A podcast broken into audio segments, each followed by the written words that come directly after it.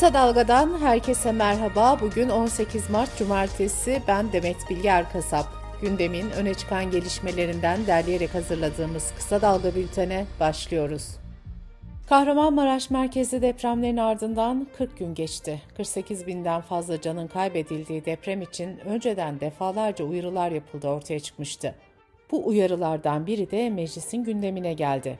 Mecliste kurulan araştırma komisyonu Maden Tetkik ve Arama Genel Müdürü Vedat Yanık'la Jeoloji Etütleri Dairesi Başkanı Bahadır Şahin'i dinledi.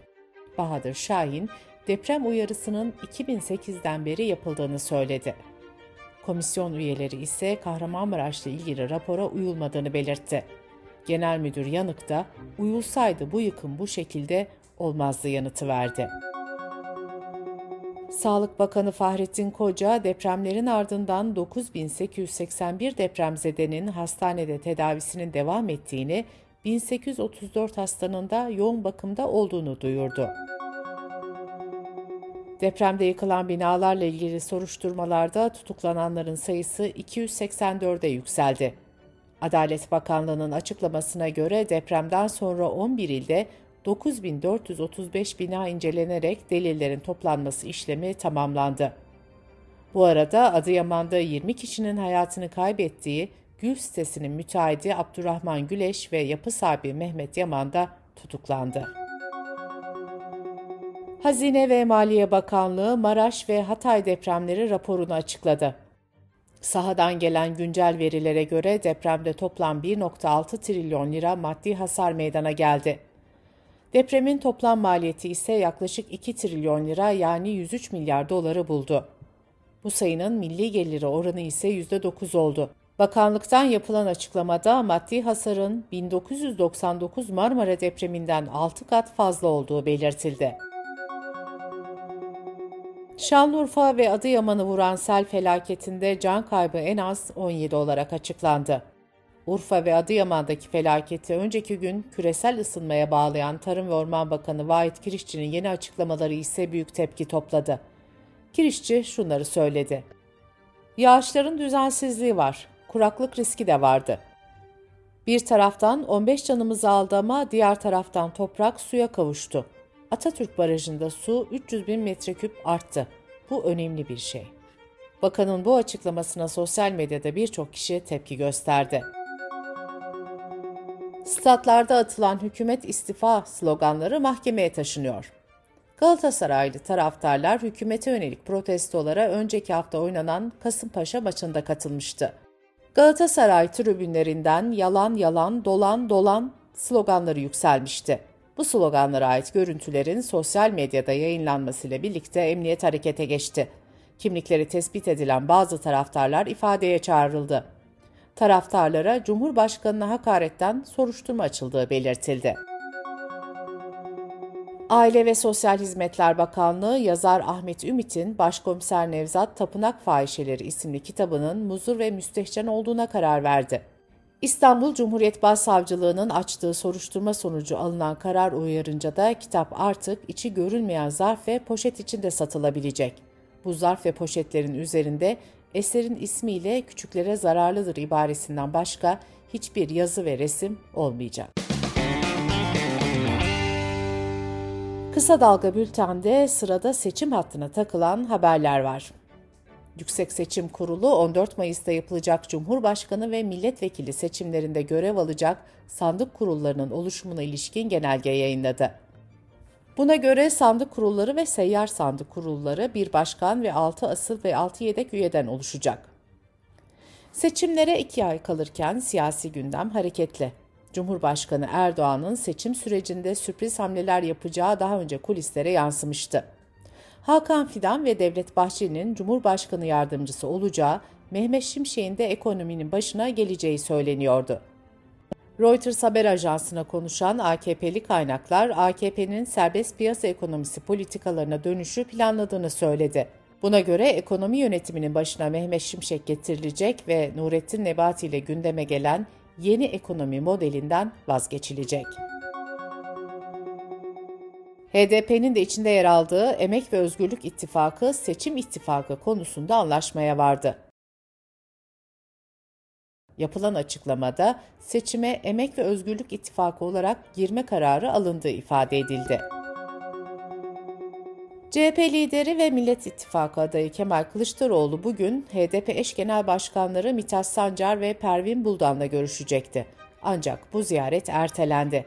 HDP'li yetkililer eş başkanların sel felaketi nedeniyle sahada olduğunu söyledi.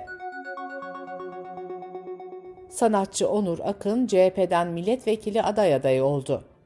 Hatay İl Sağlık Müdürü Doktor Mustafa Hambolat, AKP'den milletvekili aday adayı olmak için istifa kararı aldı. Memleket Partisi Genel Başkanı Muharrem İnce 100 bin imza toplayarak Cumhurbaşkanı adayı olarak seçimlere gireceğini belirtti. Muharrem İnce, seçim ikinci tura kesin kalacak. Diyelim ki Erdoğan'la ben kaldım. Kılıçdaroğlu'na verilen oylar bana gelir, ben kazanırım, dedi. Bültenimize ekonomi haberleriyle devam ediyoruz.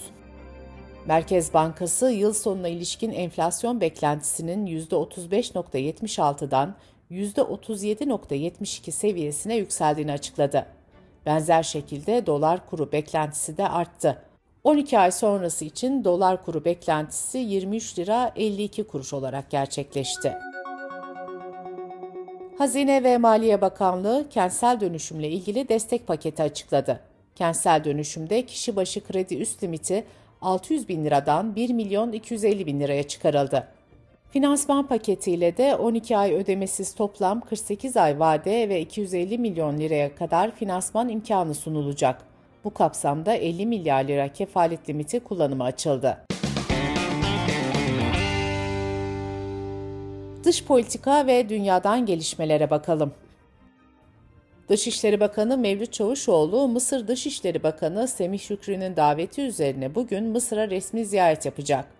Bakanlıktan yapılan bilgilendirmeye göre görüşmede Türkiye-Mısır ikili ilişkilerinin tüm boyutlarıyla ele alınması, bölgesel ve uluslararası konularda görüş alışverişinde bulunulması öngörülüyor.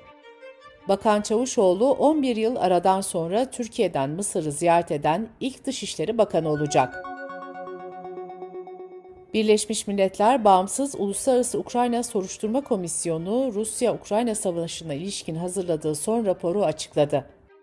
Komisyonun 56 yerleşim yerini ziyaret ederek 348 kadın, 247 erkekle yaptığı görüşmelere dayanarak hazırladığı raporda Rus yetkililerinin Ukrayna'nın bazı bölgelerinde hukuk ihlalleri yaptığı ve bunların çoğunun savaş suçu teşkil ettiği kaydedildi. Kremlin, Çin Devlet Başkanı Xi Jinping'in 20-22 Mart tarihlerinde Rusya'ya resmi bir ziyaret gerçekleştireceğini duyurdu. Kremlin'den yapılan yazılı açıklamaya göre görüşmelerde Rusya ile Çin arasındaki kapsamlı ortaklık ve stratejik etkileşimin daha da geliştirilmesine yönelik güncel konular ele alınacak. Polonya, Ukrayna'ya Sovyet döneminde üretilmiş 4 adet savaş uçağı göndereceğini açıkladı. Böylece Polonya, Ukrayna'ya uçak gönderecek ilk NATO ülkesi oldu. ABD Kongresi, Irak işgalinin 20. yıl dönümünde orduya Irak'ta güç kullanma yetkisi veren iki kongre kararını kaldırmaya hazırlanıyor. Birleşmiş Milletler'in son yayınladığı küresel kokain raporu Türkiye'deki yakalamaların 2014-2021 yılları arasında 7 kat arttığını gösterdi. BM Uyuşturucu ve Suç Ofisi tarafından hazırlanan rapora göre Türkiye'de 2021 yılında 2.8 ton kokain ele geçirildi. Türkiye'ye sokulmaya çalışılan kokain Antalya, Tekirdağ ve İstanbul'daki limanlarda yakalandı. Araştırma COVID sonrası dünyada küresel kokain üretiminin rekor seviyelere ulaştığını da gösterdi.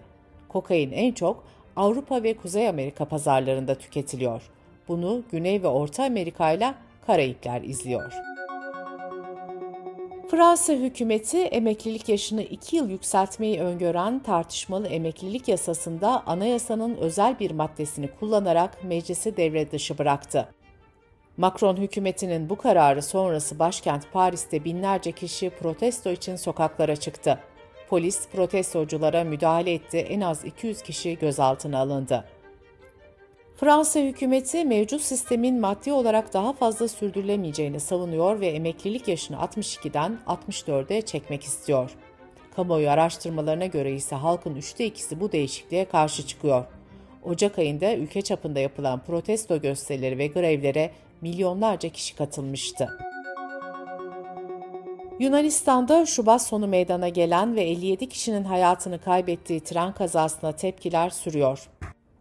Atina, Selanik, Patra ve kazanın meydana geldiği Larissa kentinde düzenlenen protestolara on binlerce kişi katıldı. Tren kazası Yunanistan siyasetini de sarstı. Resmi bir açıklama yapılmamış olsa da kaza öncesi 9 Nisan'da yapılacağı düşünülen genel seçimlerin 21 Mayıs'ta yapılacağı öngörülüyor. Anketler ise iktidardaki Yeni Demokrasi Partisi'nin oy kaybettiğini gösteriyor.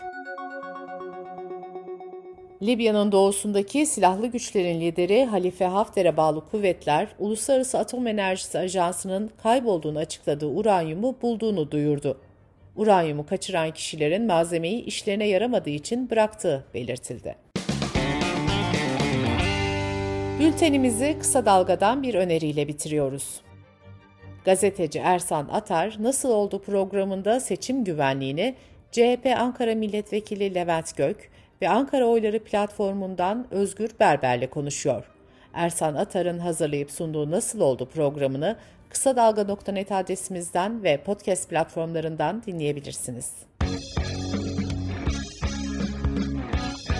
Gözünüz kulağınız bizde olsun. Kısa Dalga Medya.